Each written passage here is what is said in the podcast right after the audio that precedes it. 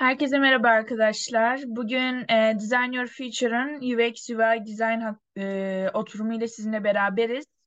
İki konuğumuz var. Elif Bölükbaşı ve Özge Aydın. Hoş geldiniz. Hoş Hoş bulduk. bulduk. Selamlar. Selamlar. Selam. Nasılsınız? İyiyiz. Teşekkürler. Siz nasılsınız? Ben de iyiyim. Çok teşekkür ederim. E, Özge sen nasılsın? Ben de iyiyim Irmak. Teşekkür ederim. Bize biraz kendinizden bahsedebilir misiniz? Ben başlıyorum o zaman, değil mi? Evet. Tamamdır. Ee, o zaman öncelikle herkese hoş geldi. Herkese selamlar. Ee, ben Özge. Ee, 2020 yılında İzmir Yüksek Teknoloji Enstitüsü Mimarlık Bölümünden mezun oldum. Ee, burada eğitimimi %100 İngilizce olarak tamamladım. Sonrasında e, Kanada-based bir firmada bir yıl boyunca mimari modelleme uzmanı olarak çalıştım. Ee, sonrasında da bugün üzerinde konuşacağımız UX UI alanıyla tanışıp bu alanda eğitimler alıp ve bir portfolyo geliştirerek e, şu anda sektörde UX UI tasarımcı olarak çalışıyorum. E, yaklaşık bir yıldır bu alanda deneyimliyim deyip sözü Elif'e bırakıyorum o zaman. Ben de Özge ile aynı okuldan mezun oldum. Mimarlık bölümü mezunuyum. Ee, Özge bu alana geçiş yaptıktan sonra o zaman ben e, sektöre iş yapıyordum mimar olarak. Ee, ben de bu alanın daha keyifli olduğunu düşünüp yatkınlığımı da kullanarak e, bu alana geçiş yaptım. Önce eğitimler aldım. E, sonrasında portfolyo düzenledim ve bir staja başladım. E, stajdan sonra da işe kabul aldım. Şimdi aynı işimde devam ediyorum. E, böyle diyebilirim. Harika. E, peki Elif bize yaptığın işi biraz tanıtabilir misin? Mesleğini biraz anlatabilir misin? E, tabii. E, kullanıcı deneyimini geliştirmek üzerine bizim işimiz. Kullanıcı deneyimini arttırmak. E, bunu e, optimize etmek için e, yaptığımız bir yol var. Bu wireframe'ler oluşturmak. İlk önce kullanıcı araştırmasını yapıyoruz. Bize bir e, problem veriliyor. Deniliyor ki e, şu web sitesinde kullanıcıların işte hemen e, girdikten sonra bounce oluyorlar. Başka bir e, e, yerlere aktarılıyorlar. Bunu nasıl azaltabiliriz deniliyor. Bunun için önce araştırıyoruz. Kullanıcılar neden bu sayfadan çıkmışlar? Neden buraya insanları entegre edememişiz diye. E, sonrasında tasarımlara çözümler buluyoruz. Bu çözümleri wireframe üzerinden wireframe dediğimiz e, düşük kalitede tasarımın sunumu. Onları onlar üzerinden konuşuyoruz ve sonrasında da ilerletiyoruz. E, süreci bitiriyoruz. Böyle diyebilirim. Ama birazcık karmaşık anlatmış olabilirim. Özge daha iyi açıklayacaktır eminim. Evet. Elif bence çok güzel açıkladın. Ee, çok teknik açıkladın ama belki te- o teknik terimlerden dolayı ettim. anlamamış Evet. olabilirler. Ee, şöyle ben de daha basit haliyle anlatayım o zaman. Elif daha teknik anlattı. Ben de böyle daha yeni başlayanlar için anlatayım. Ee, aslında çok yeni bir kavram UX UI kavramı. Ee, çok yeni olduğu için de insanlar ilk gördükleri zaman böyle bu ne diyebiliyor yani. Ee, örnek veriyorum ben LinkedIn'de işte iş ilanlarında falan gördüğüm zaman UX slash UI bu ne? Hani içeriğini açılımını bile bilmiyordum. Sonrasında araştırmaya başlayınca işte kullanıcı arayüzü tasarımı ve kullanıcı deneyimi tasarımı olduğunu, bu ikisinin aslında birbirinden farklı alanlar olduğunu ve en basit e, tabiriyle e, kullanıcı arayüzünü tanıtayım. E, örnek veriyorum, telefonunuzda kullandığınız bütün app'lerden tutun. Belki bir e, evinizdeki bir buzdolabındaki dijital ekrana kadar e, ya da işte şu an e, burada e, bilgisayarınızdan baktığınız ekrandaki yazılara, butonlara kadar bütün gördüğümüz o e, tasarımlara, dijital ekranlardaki bu tasarımlara, etkileşim kur- kurduğumuz tasarımlara kullanıcı arayüzü tasarımı deniyor. E, e, örnek veriyorum şu an en çok kullandığınız mobil app'ler neler? Banka app'leri, işte Trendyol. Bunların içerisinde neler görüyorsunuz? İşte butonlar, bu butonların tekstleri, bunların birbiriyle uyumu. E, sonra bunların dizayn sistemleri, renkleri, e, bunların tamamı aslında kullanıcı arayüzüne giriyor. E, kullanıcı arayüzü de kullanıcı deneyiminden etkilenerek e, kullanıcı deneyiminden çıkan kararlar doğrultusunda tasarlanıyor. E, kullanıcı deneyimi de tekrardan yine bu e, en basit app'lerden örnek vererek ilerleyeyim. Örnek veriyorum Trendyol. Trendyol'a girdiniz, bir işte giriş yaptınız, kayıt oldunuz. Bu sırada siz belli başlı akışlardan geçiyorsunuz. Örnek veriyorum size en başta adınızı soruyorlar, sonra soyadınızı, sonra bir mail adresi giriyorsunuz. Sonrasında işte kaydet deyip devam ediyorsunuz gibi e, bir takım akışlardan böyle step by step akışlardan geçiyorsunuz ve bu akışlara da e, bu, bu sırada bir deneyim sahibi olmuş oluyorsunuz. Bu deneyime de işte Elif'in bahsettiği wireframe'ler vesaire e, kullanıcı deneyimi tasarımı deniyor deyip böyle Trendyol örneğiyle bitireyim. Ee, peki Özge, mesleğini seçmende senin için en önemli faktör neydi? Seni etkileyen bir faktör var mıydı? Ee, şöyle, Elif de ben de aslında e, çok yakın hikayelerimiz bu konuda. E, mimarlık çıkışlıyız biz ve mimarlık mezun olduktan sonra aslında tasarımın çoğu alanında e, yolunuza devam edebilirsiniz. E, ben de en başta 3D designer olarak çalıştım. Sonrasında e, bu alanın pandemi döneminde böyle daha fazla pik yapmasıyla beraber, çok yayılması ve yazılımın da kıymet kazanmasıyla beraber bu alanı aslında biz e, tasarım e, geçmişimizle, tasarım yeteneğimizle harmanlayarak aslında bu alana geçiş yaptık Irmak. Harika. Peki Elif, e, seni etkileyen bir faktör oldu mu? Yani aynıydı evet ama. Ee, şöyle diyebilirim, tasarım ve teknolojinin bir arada bulunduğu e, iş olarak bunu görmek çok e, keyifliydi. Bir ben cümlelerimi kuramıyorum. Bir daha deneyeceğim. Kalabalık olduğu için dikkatim dağıldı. e, tasarım ve teknolojinin bir arada bulunduğu bir iş alanında olmak bana çok keyif veriyor. Çünkü teknoloji demek sürekli yenilenmek demek, sürekli bir şeyleri takip etmek demek. Tasarımda da aynı şey geçerli. E, eskiden kullanılan tasarımlar artık geçerli değil. Geçerliliği olanlar var tabii ki de. Ama teknoloji alanında olduğunda sürekli bir onu yakalamak için kendini geliştirmen gerekiyor, araştırman gerekiyor sürekli kendini yenilemenin içinde bulunmak da bana keyif veriyor diyebilirim. Harika. Peki işinin işiniz hakkında sevdiğiniz taraflar neydi?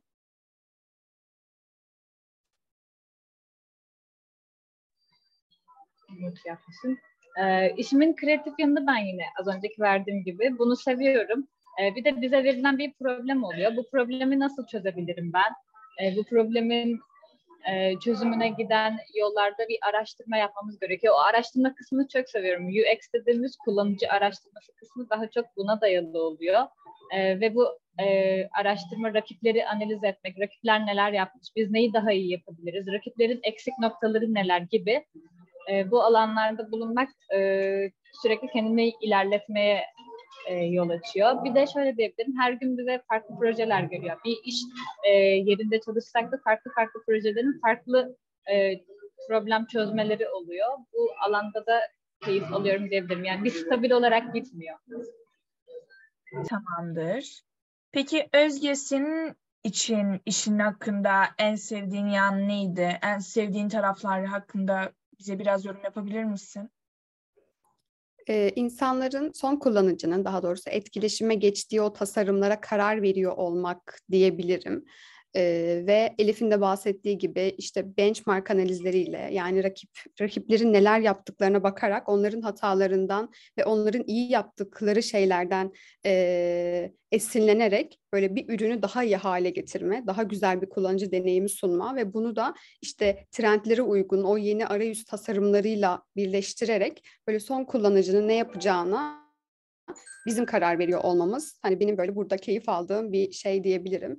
E, sonuçta bizden çıkan tasarımlar aslında sonrasında kodlanıp e, sonrasında aslında son kullanıcıya ulaşıyor ve aslında burada UX UI designer çok kıymetli bir yerde oluyor. Çünkü o kararları e, ortak çalıştığı e, takımla beraber örnek veriyorum ben şu anki çalıştığım kurumda hem pazarlama bölümüyle hem e, e-ticaret bölümüyle birlikte sürekli işbirlikleri yaparak e, ürünün ne olması gerektiğine, nelerin değişmesi gerektiğine analizlerle karar veriyorum ve sonrasında onu bir arayüze döküp bunu son kullanıcı ile birleştiriyorum ve bu süreçte ki e, aslında yerimin ne kadar kıymetli olduğu benim burada aslında işimi en sevdiğim kısım diyebilirim.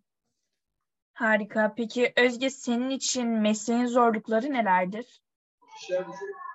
Ee, bu alana geçiş yapmak da çok zordu. Elif bilir böyle bayağı sancılı bir süreçti.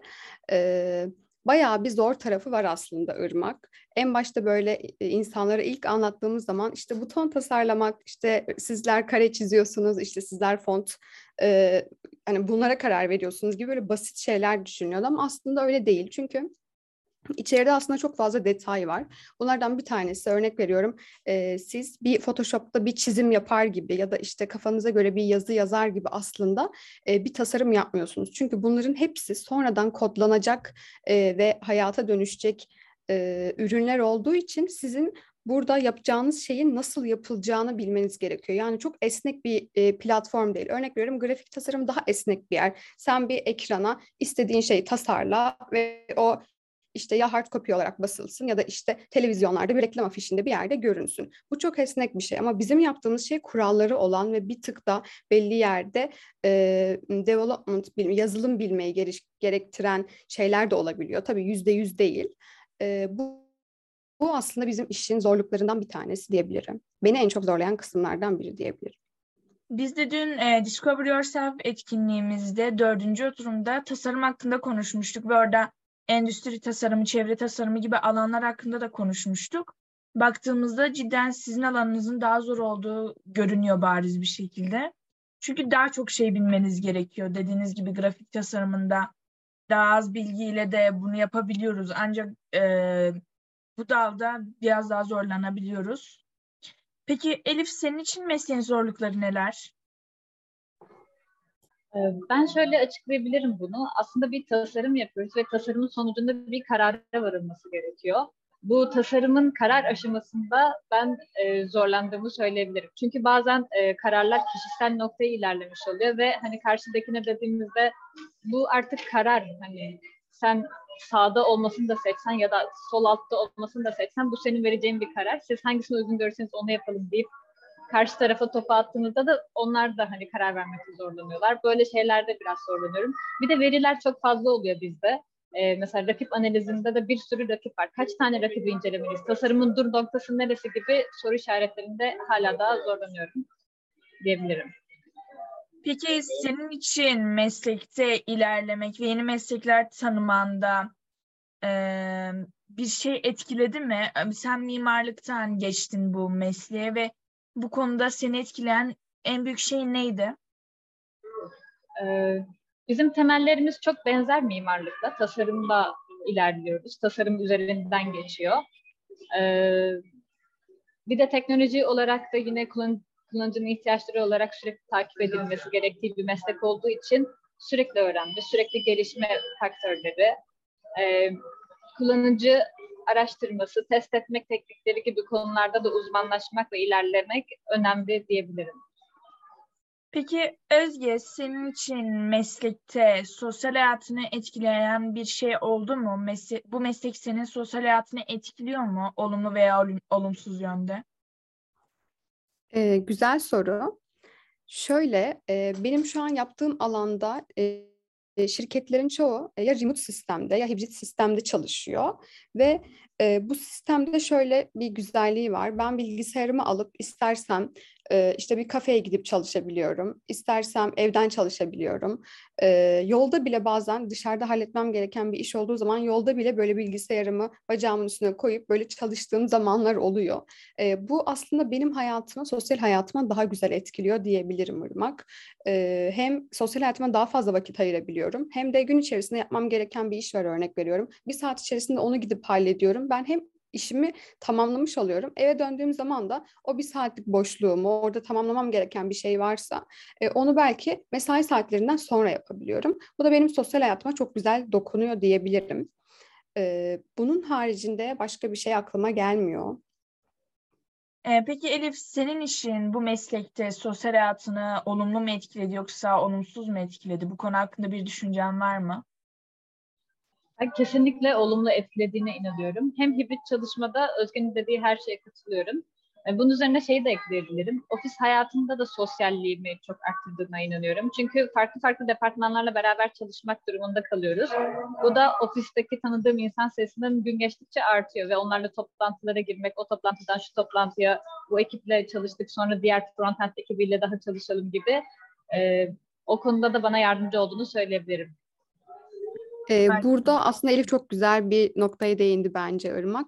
Ee, gerçekten de UX UI öyle bir alan ki hem development'ın hem e, işte pazarlamanın, e-ticaretin eğer bu şirket bir banka bankaysa, çalıştığın ürün bir banka projesi ise işte başka X departmanının böyle tam merkezinde kalan ve e, bu sebepten çok fazla kişi kişinin hem ne yaptığı işi bilmenizi gerektiren haliyle o kişilerle de çok fazla iletişim halinde olmanızı gerektiren bir yer.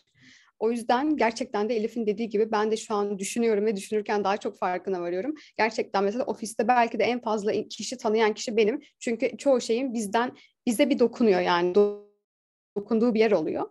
O yüzden gerçekten sosyal hayatı da böyle boostlayan bir şey diyebiliriz yani. Harika bir durum aslında bu olumlu yönde olması. Çünkü şu zamanlarda gençler bunu arıyor.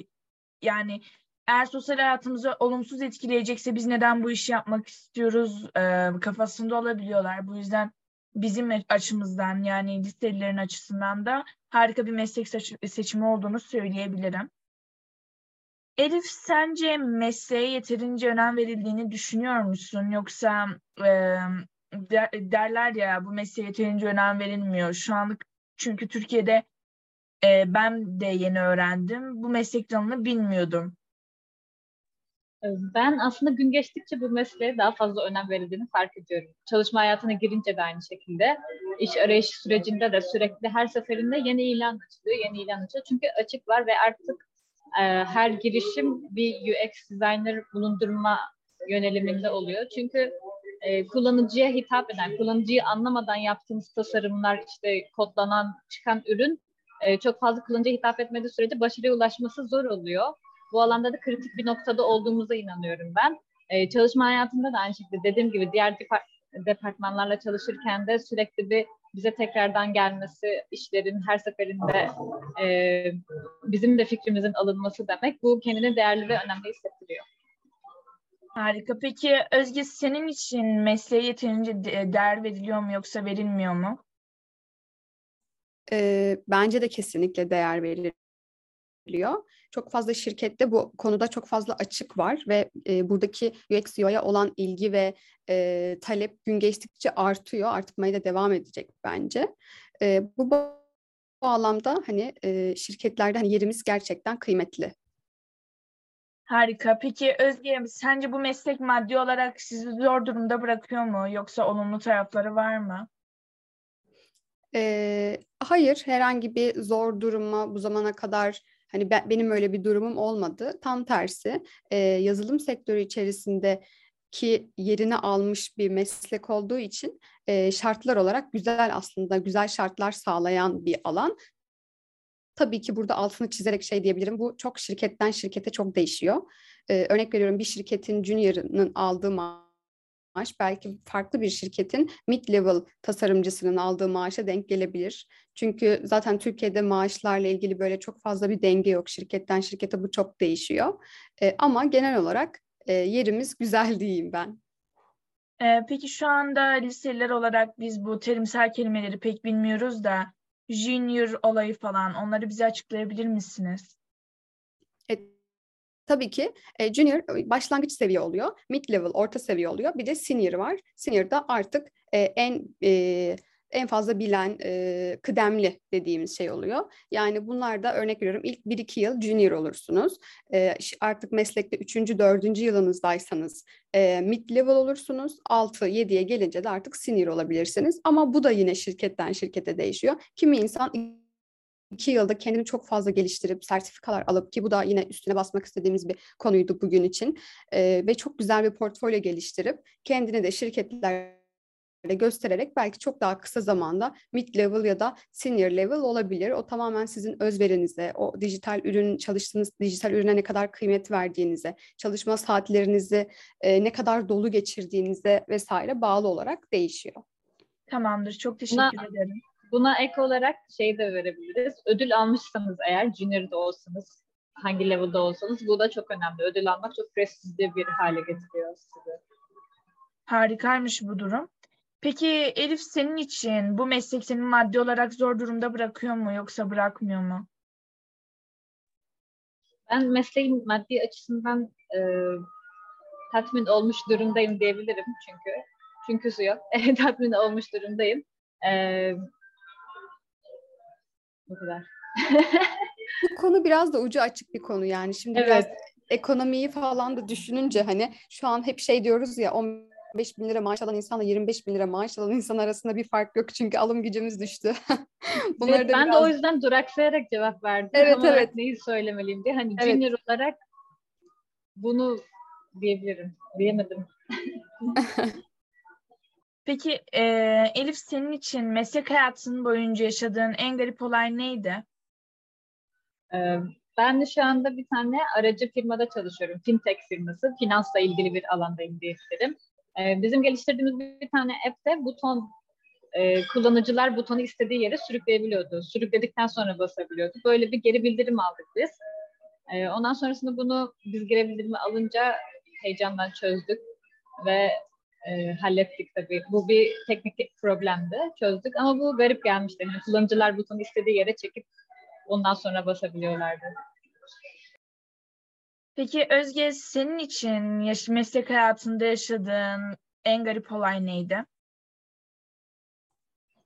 Yani garip olay çok e, aklıma çok fazla böyle şu olay çok garipti dediğim bir şey gelmiyor ama e, hani meslek hayatında belki şey çok önemli bir şey diyebilirim. E, takım olabilmek ve takım arkadaşları, doğru takıma ve doğru e, projeye dahil olmak çok önemli. Çünkü bunun bende bir örneği var, kötü bir örneği. E, kendi e, yetimden daha fazla bir projeye kalkışıp hani onda fail olduğumu hatırlıyorum ve bu benim için çok iyi bir süreç değildi. E, böyle olunca haliyle takımla da çok e, aynı dili konuşamadığın için bütünleşemiyorsun. E, ama mesela şu anki şirketimde çok güçlü bir ortamım var. Çok e, herkesin iletişime çok açık olduğu e, bir takım takımım var. Takım ruhunu gerçekten hissettiğim bir ortam. E, ve bu da beni açıkçası böyle projeye ve şirketime daha çok bağlıyor. Yani tam sorunun birebir cevabı olmadı ama garip bir olay hatırlayamıyorum. Sadece hani kötü bir olay hatırlayacaksam bu da yanlış takımın içerisinde yer almaktır deyip sıyrılayım bu sorudan. Peki e, sizin bir öneriniz var mıdır? E, şu anlık biz liseliler olarak bu işe ilgisi olan kişiler olaraktan e, hangi uygulamaları kullanmaya kullanmaya başlamalıyız? Sizin uygulama öneriniz var mıdır? Aslında bu soru bile bu yani e, bu alanın yanlış tanı, tanıtıldığının örneklerinden bir tanesi. E, çünkü yakın zamanda LinkedIn'de böyle bir şey görmüştüm. E, işte Figma öğreniyorum. E, artık işte UX UI designer olmaya hazırım gibi böyle hani bu, bu konuyu eleştiren bir yazıydı. Aslında program kullanmak yani siz bir programı e, bilgisayarınız alırsınız. Şöyle bir temiz sağ, e, sessiz bir ortama geçersiniz. 3 saat içerisinde isterseniz Figma ya da daha farklı bir programı öğrenebilirsiniz. Ama daha fazla e, e, gerektiren şey aslında burada tecrübe. Yani e, örnek veriyorum Elif mesela stajlar yaptı. Ben e, işte portfolyo geliştirmek için işte bir sürü sertifika aldım. Bunların hepsi çok kıymetli şeyler. Yani bir program öğrenmenin ötesinde en başta ne yaptığınızı iyi araştırıp e, bu alandaki bu alanda çalışan işte kişilerle LinkedIn üzerinden ya da daha farklı ortamlarda iletişime geçip onların yaptığı çalışmalara bakmak, onların çalışmalarını en başta kop- kopyalayıp sonrasında ben bu çalışmayı nasıl daha iyi hale getirebilirim buna kafa yormak, e, bol bol araştırma yapmak, yazılan yazılar var örnek veriyorum Medium gibi sitelerde onları da size iletiriz. Oralarda da yine e, bu dijital dünya ile ilgili UX UI alanı hangi alanlarla birlikte çalışmak çalışmalı, nereye dokunuyor, neler öğrenmeli, e, işte dünyada hangi sertifikalar, hangi eğitimler var, bunların hangilerini almalıyım gibi bu konuları çok iyi araştırmalı yani. E, Elif de ben de bu geçiş sürecinde gerçekten böyle bilgisayarlarımıza kapanıp işte çılgın böyle araştırmalar yapıp o şekilde buraya geldik aslında. Ee, yani size verebileceğim en iyi öne- öneri hani herkesin elinin altında bir bilgisayar ve internet var. Hani gerçekten açın LinkedIn'den bol bol bağlantı edinin. Ee, bu bağlantılarla iletişimde bulunun. Onların e, çalışmalarını isteyin. O çalışmaları inceleyin. Onların daha iyi hallerini yapmaya çalışın Sonra Figma dediğimiz bir program var. Evet bu program tabii ki çok önemli, önemsiz değil. Ama bir program öğrenmekten ziyade e, bu yani bu alanın ne olduğu, nelere ihtiyacı olduğu bunları çok iyi araştırmak gerekiyor. Sonrasında zaten program rahat rahat öğrenilir. E, peki şu süreçte ben de, evet pardon. Ben de bir yorum yapabilir miyim? E, Figma dediğimiz şey daha çok UI, arayüzün e, tasarımında kullanılan bir e, uygulama. Bunu öğrenmek bir hafta sürer. Ama e, size şeyi tavsiye edebilirim bu alana ilgi duyanlara. Google ücretsiz bir şey. E, Google'da e, UX UI kursu var sertifikasyonu var. 7 tane sertifika veriliyor ve 7 tane sertifikayı tamamlayınca da tamamını kapsayan bir tane bütün bir sertifika veriliyor. E, bunun buna başvurabilirsiniz. Bunun financial aid'i var. Financial aid'in Türkçesi e, burs mu oluyor? Bursu var. Bu bursa başvurduğunuzda zaten ücretsiz bir şekilde oluyor. Ben o şekilde ücretsiz aldım kursumu. Siz de lise öğrencisiyim. İşte bu bursa başvuruyorum, ihtiyacım var, karşılayamam bunun parasını dersiniz. İki hafta sonrasında Google zaten size link gönderiyor ve onunla beraber eğitimlere başlıyorsunuz. 6 aylık e, videolara erişim hakkı sağlanıyor. 6 ay içinde de bitirebilirsiniz. Rahat rahat okulunuzdan kalan zamanda odağınızı buna verirseniz eğer. Bu sertifikasyonları tamamladıktan sonra da zaten işe veya staja başvurabilirsiniz. Ben 5. sertifikamı aldıktan sonra deneyim için hadi bakalım ben kabul alabilir miyim diye bir tane staja başvurdum ve hemen kabul aldım şansıma. Ee, böyle benim sürecim başladı. Ben 7 sertifikasyonu bitiremeden daha iş bulmuştum. Hani gözünüzde korkutmasın 7 tane diye. Böyle bir yol izleyebilirsiniz. Udemy'deki kurslarla da ben Figma'yı öğrenmiştim. Bir kursla e, Figma'yı öğrenebildim. Böyle. Teşekkür ederim cevapladığın için. Peki Elif, e, liselilere herhangi bir önerim var mıdır bu konuda yapmaları gereken bir şey hakkında? Örnek veriyorum meslek seçimi olsun veya bu işte devam etme olsun. Meslek seçimi olarak e, tabii ki de teknoloji şu anda patlamış durumda firmalar, iş imkanları olarak. Bu alanda çok açık bir alan olduğunu düşünüyorum. E, henüz daha e, ilanlardan baktığım kadarıyla da sürekli de yeni ilan açılıyor. E, eğitimleri, sertifikasyonları tamamladıktan sonra da ek iş olarak hani part time olarak da iş bulabileceğiniz bir alan. Çünkü gerçekten çalışma saatleri de esnek buranın. Hani hafta sonu çalışıp bile yapabilirsiniz iş olarak düşünürseniz. Ama tabii lise çağında çalışmak ister misiniz bunu da bilmiyorum. Yaşayın hayatınızı derim. Üniversiteye başladığınızda hazırlık eğitimi alırken mesela bu sertifikasyonları tamamlarsanız çok daha mantıklı olur sizin için diye düşünüyorum. Şu anda odaklanmanız gereken şey üniversiteye hazırlanmak olur e, üniversitede herhangi bir bölüm yaptığınızda eğer hala ilginiz varsa bu sertifikasyonları alıp devam edebilirsiniz. E, şöyle de olabilir tabii.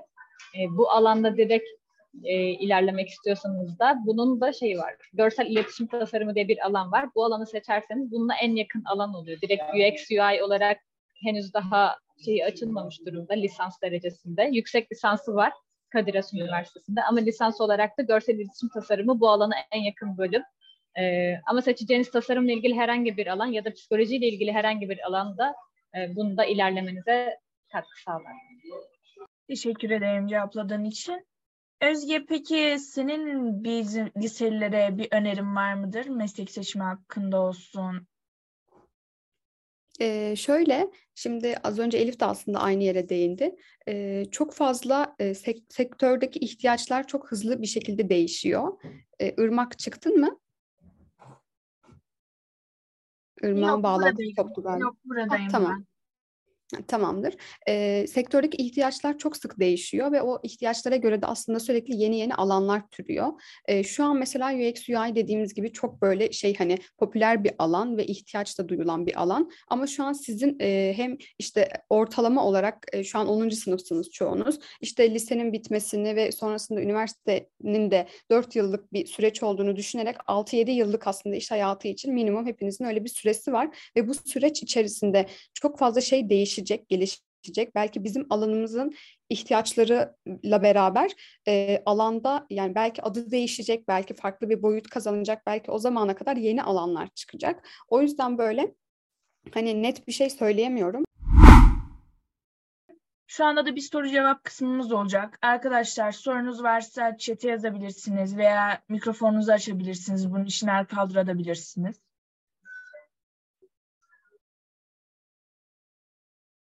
Sanırım bir soru geldi. Ee, nasıl başlarım? Blender mı öğrenmeliyim diye biri sormuş. Büşra. Ee, şöyle nasıl başlarım? Öncelikle alanın ne olduğunu araştırarak, sürekli araştırma yaparak zaten kullanıcı deneyimi ar- araştırma üzerine e, base bir alan. E, kullanıcı deneyimi nedir, UX, UI nedir? Nasıl başlamak için de direkt sertifikalar almak için de Google'ın sertifikasyonunu ben tavsiye ederim. Ücretsiz ve full İngilizce olarak bu sertifikasyonlar veriliyor. Böyle de alttaki soruda da dil bilmek tabii ki de çok önemli. İngilizce kesinlikle çok önemli. Sadece hani Türkçe ile biraz daha zor bir iş bulma sürecine girebilirsiniz. Ee, İngilizce kesinlikle must. Zaten teknoloji firmalarının hepsi de İngilizceyi temel olarak alıyorlar. Artı ikinci diller öğrenirseniz her zaman her her yerde çok artısı vardır. Ben de çok hızlıca sorumu sorabilir miyim? Az önce koptum. Tabii. Evet. Ben yurt dışındaki olanaklardan e, olanaklarla ilgili soru sormak istiyorum. Yurt dışında bu iş bu işin işte ne bileyim seçeneği var mı? Yani yurt dışında çalışmak istesem UX UI designer olarak önüm açık mı? Benim 3 hafta önce bir arkadaşım e, İsveç'e UX UI designer olarak burada bir buçuk senedir çalışıyordu. İsveç'e gitti ve şu anda İsveç'te işini yapıyor. Selin Güneş diye bir arkadaşım var. Onun yakın arkadaşı. E, o da UX UI alanındaydı. Böyle diyebilirim ve bu bizim çok şaşırdığımız ve desteklediğimiz bir Elif olaydı. oradaki süreçten de biraz bahsedebilirsin. Ee, nasıl gitmiş? İşte yüksek lisansla mı gitti yoksa bir şirketten kabul alarak mı Yüksek gitti? lisansla da şirketten kabul aldı. Portfolyosunu göndermişti. Wow, Ee, çok or- iyi. orada çalışabilirim ben işte işimi te- burayı terk edip oraya gidebilirim dediği için de oldu.